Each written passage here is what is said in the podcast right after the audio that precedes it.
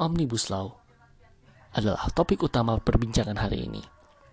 Di semua platform media sosial dan di semua tempat membicarakan tentang Omnibus Law yang baru saja disahkan oleh DPR.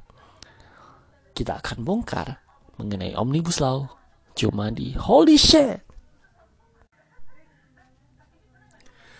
Kembali lagi bersama podcast Holy Shit podcast yang biasanya membahas hal-hal yang uh, dibicarakan banyak orang. Hal-hal yang tabu namun layak dan patut untuk diperbincangkan. Bukan ya kita bukan silet.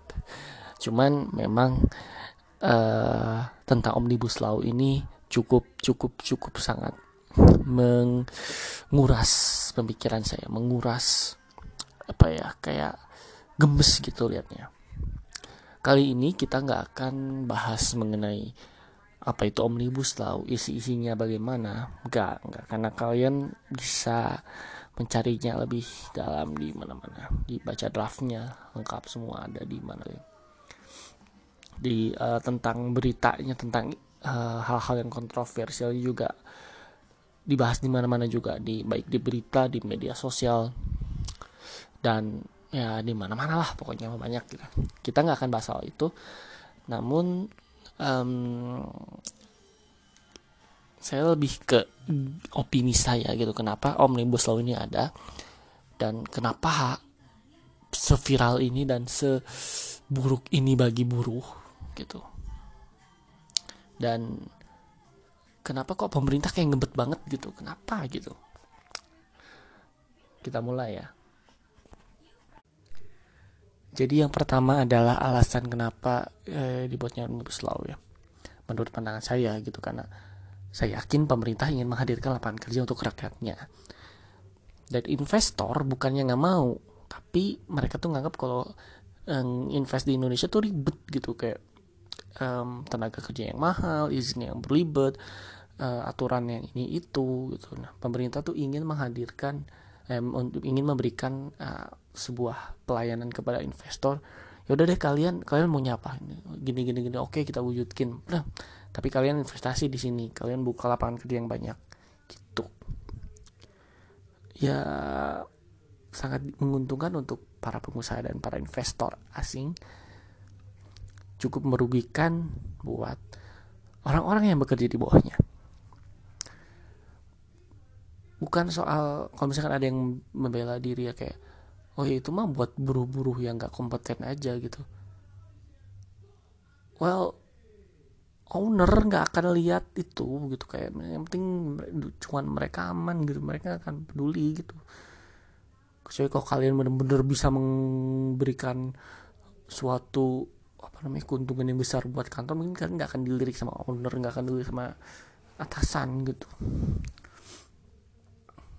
gitulah intinya sih. Kayak um, pemerintah tuh kayak membuat ngegampangin aja gitu. Investor investor asing tuh kayak nggak kok udah nggak ribet sekarang gitu. tapi dampaknya selain ya tadi saya bilang ke uh, pegawai gitu ke yang kerjanya sebenarnya ada banyak juga dampak buruknya. Dari omnibus law ini gitu salah satunya adalah lingkungan gitu. Saya baru lihat saya baru ngeh sih sebenarnya. Udah pernah baca tapi kayak nggak terlalu ngeh. Ada kalau misalnya kali ingat salah satu pasal saya lupa di di mananya gitu soal uh, jadi kayak lingkungan apa namanya kayak amdal itu kayak di, bakal dihilangin atau saya saya nggak tahu saya correct me if I'm wrong gitu cuman kayak izin lingkungan gitu kayak dihilangkan gitu biar gampang gitu. nah sebentar itu akan sangat-sangat berbahaya buat lingkungan. Gitu kok amdalnya.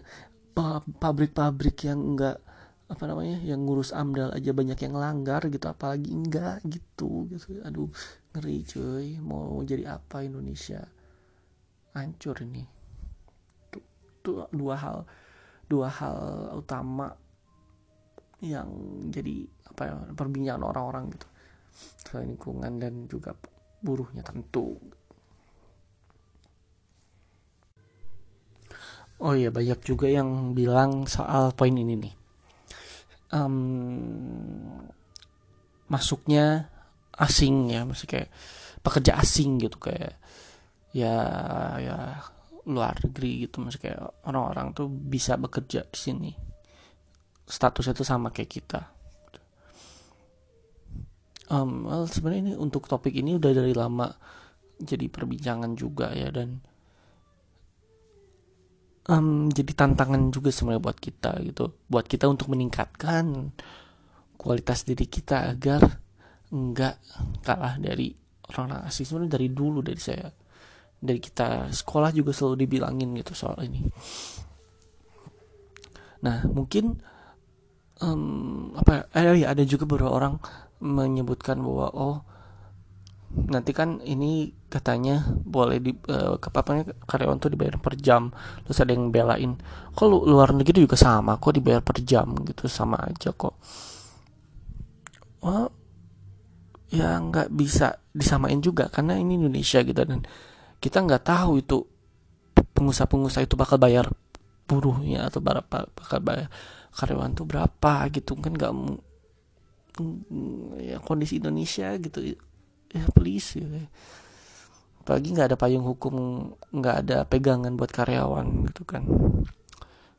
Nah terus mereka juga bilang e, toh oh, negara-negara juga sama kayak gini kok dibayar per jam dan orang asing bisa bebas bekerja juga. Misalkan orang Indonesia tuh banyak yang kerja di pabrik-pabrik di Korea dan Jepang dan Cina juga banyak gitu. Toh mereka uh, apa namanya nerima kok kenapa kita nggak bisa melakukan hal yang sama gitu. Ada yang bilang gitu. Terus kalau menurut saya sih kayak ya nggak bisa banding juga gitu. Itu Jepang Korea environmental gitu. Kayak pasti lingkungan lingkungan juga kayak udah semuanya tuh udah di udah dipikirin gitu. Nggak nggak anu gimana ya dan beda gitu. Mereka kekurangan orang-orang yang mau bekerja di uh, tempat-tempat seperti itu gitu. Misalkan kita bisa bilang kayak pekerja kasarnya gitu. Kayak ya begitulah. Antara di Indonesia di Indonesia sendiri populasi Indonesia tuh banyak banget dan banyak yang butuh pekerjaan gitu. Kalau misalkan dikasih ke orang asing ya gimana gitu. Kecuali nih ya tingkat pengangguran di Indonesia tuh rendah. Terus um, kita juga bisa ngasih bantuan ke orang-orang asing uh, yang butuh kerja itu baru ya. Mungkin misalnya di sini penganggurannya masih banyak terus kita udah ngasih ke orang lain gitu. Kok bisa gitu? Itu doang sih. Yang yang yang jadi unek-unek saya. Itu dan hal-hal itu yang membuat omnibus law itu atau RUU cilaka ya cipta lapangan kerja. Ini sangat sangat sangat viral. Ya siapa sih yang mau diperlakukan seperti itu gitu? Kita nggak ada yang mau gitu. Cuman karena ini kejadian itu menurut saya sih mencurigakan banget gitu. Kenapa harus tengah malam? Kenapa harus mendadak dan diam-diam gitu. Dan ya kita lihatlah drama-drama di TV gitu kayak ada um, wakil rakyat yang ingin menyuarakan pendapatnya tapi mikrofonnya di mute. Ya saya juga dengan ngomong ini juga saya juga takut di mute hidup saya. Nggak bercanda kakak. Cuman ya ya kenapa gitu? Ini kan jadi kita jadi makin curiga gitu. Apa biar ya biar meredam aja gitu biar cepat gitu. Kenapa gitu? Dan dan kenapa kayak kayak kayak ini kan untuk mengubah sistem yang ada itu nggak gampang gitu. Dan yang terlibat dalam dunia kerja ini tuh nggak nggak nggak cuman pemerintah doang gitu ada rakyat. Kenapa nggak pendapat-pendapat rakyat dan pendapat-pendapat para pengusaha tuh didengerin gitu kenapa sih? Saya saya tuh yakin oke okay, gitu. Tenaga kerja itu bisa di apa perlu diatur gitu. Perlu ada ada payungnya perlu ada uh, takaran-takarannya gitu. Saya yakin gitu. um, sangat sangat sangat sangat perlu gitu. Nggak nggak semena-mena kayak misalkan demo sembarangan bukan demo sembarangan apa ya kayak minta tunjangan sembarangan minta gaji sembarangan dan terlalu menuntut ini itu oke saya setuju kalau itu harus diatur gitu. Tapi nggak se tapi nggak gini caranya gitu gitu. Saya juga baca di media sosial banyak juga yang menyuarakan masih tidak percaya. Kalau saya pribadi sih saya mendukung untuk tidak percaya. Untuk tidak percaya gimana ya? Ada yang harus diperbaiki banyak sekali poin-poin yang harusnya diperbaiki gitu um, yang bukan berarti saya tidak setuju ya. Saya setuju dengan aturan-aturan yang menguntungkan untuk semua pihak gitu. Tidak hanya pada investor saja tapi semua gitu enggak.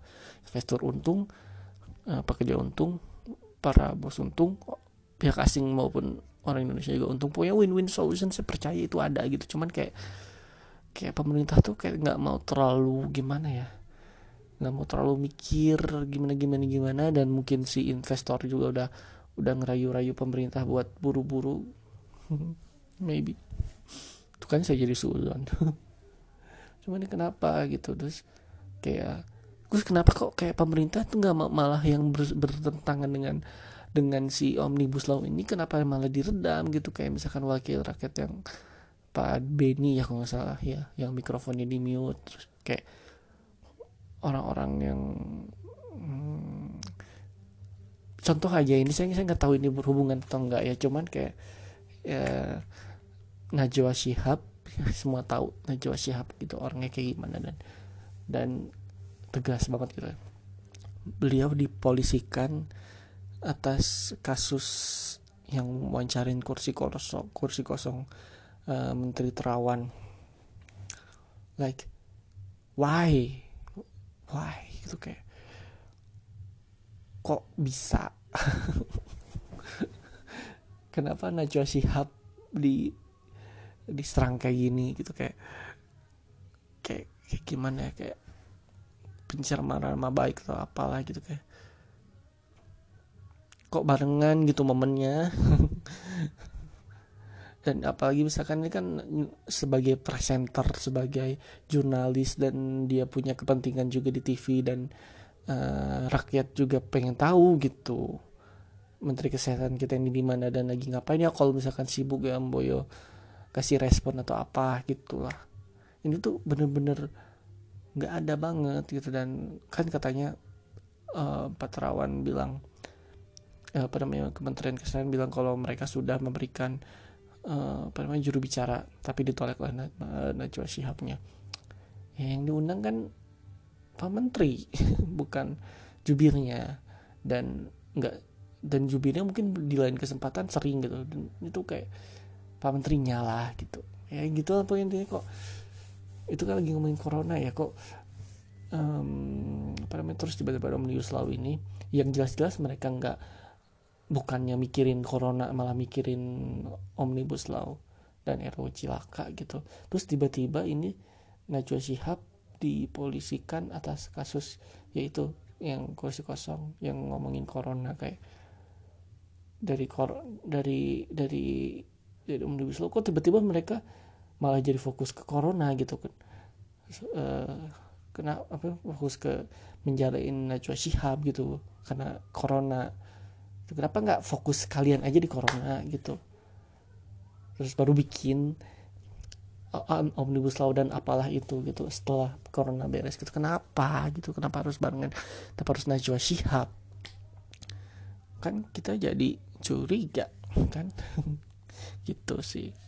Itu yang yang saya penasaran gitu. Terus du, um, dan, dan kalian tahu nggak kenapa ini bisa viral banget? Karena media sosial tuh bener-bener luar biasa sih.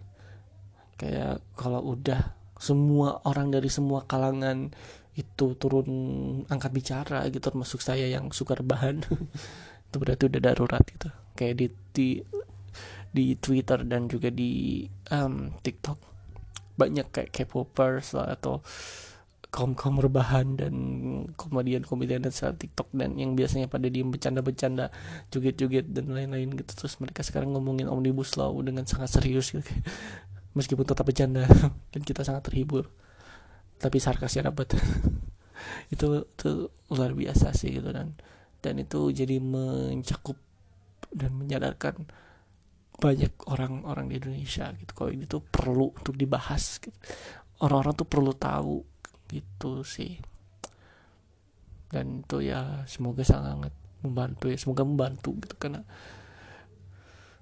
kan kita rakyat gitu sih maksudnya ya pemerintah tuh harusnya lebih deng eh, enggak enggak harus semua keinginan rakyat diiyakan mentah-mentah gitu enggak cuman ya at least dengar pendapat kita gitu dengar dengar dari semua sisi nggak cuman yang mengiyakan tapi juga yang menolak juga kenapa menolak gitu. Least satu kita juga menolak juga enggak ke semena-mena kok kita ada alasannya. Gitu sih. Hmm, itu aja. Oke, jadi kesimpulannya adalah omnibus law ini atau apa ya kayak uh, aturan mengenai tenaga kerja dan usaha membuat usaha di Indonesia itu emang harus diatur benar-benar dan harus serius gitu. Kita butuh aturannya. Tapi nggak gini dan harus win-win solution, harus semua pihak harus deal dan harus setuju. Gak cuma di satu pihak aja dan ya dari sini juga kita bisa lihat ada tiga tipe penduduk eh, tiga tipe uh, masyarakat gitu yang beropini tentang omnibus law pertama adalah yang men yang menolak kedua adalah yang mendukung. Ya sedikit sih yang mendukung. Saya bisa dihitung jari ya di mana-mana ya rata-rata menolak. Dan saya juga nggak yakin kalau mereka beneran dukung. Jangan-jangan ya dukung karena hmm, apa ya nggak tahu deh. Dan yang ketiga adalah uh, mereka yang setuju kalau harus ada aturan mengenai ini.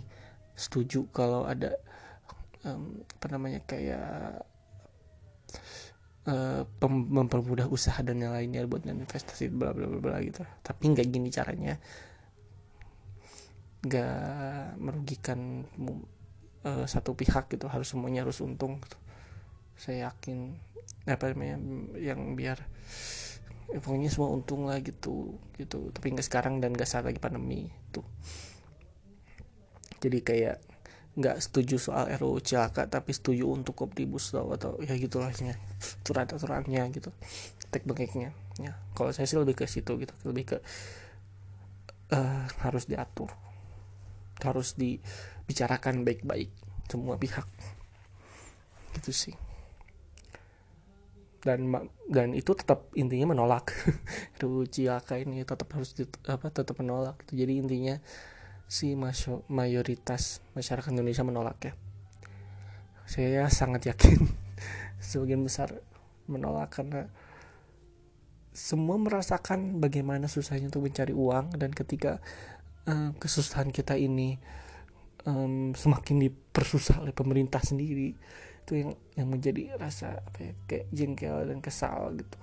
Yang akhirnya hari ini pecah di mana-mana gitu.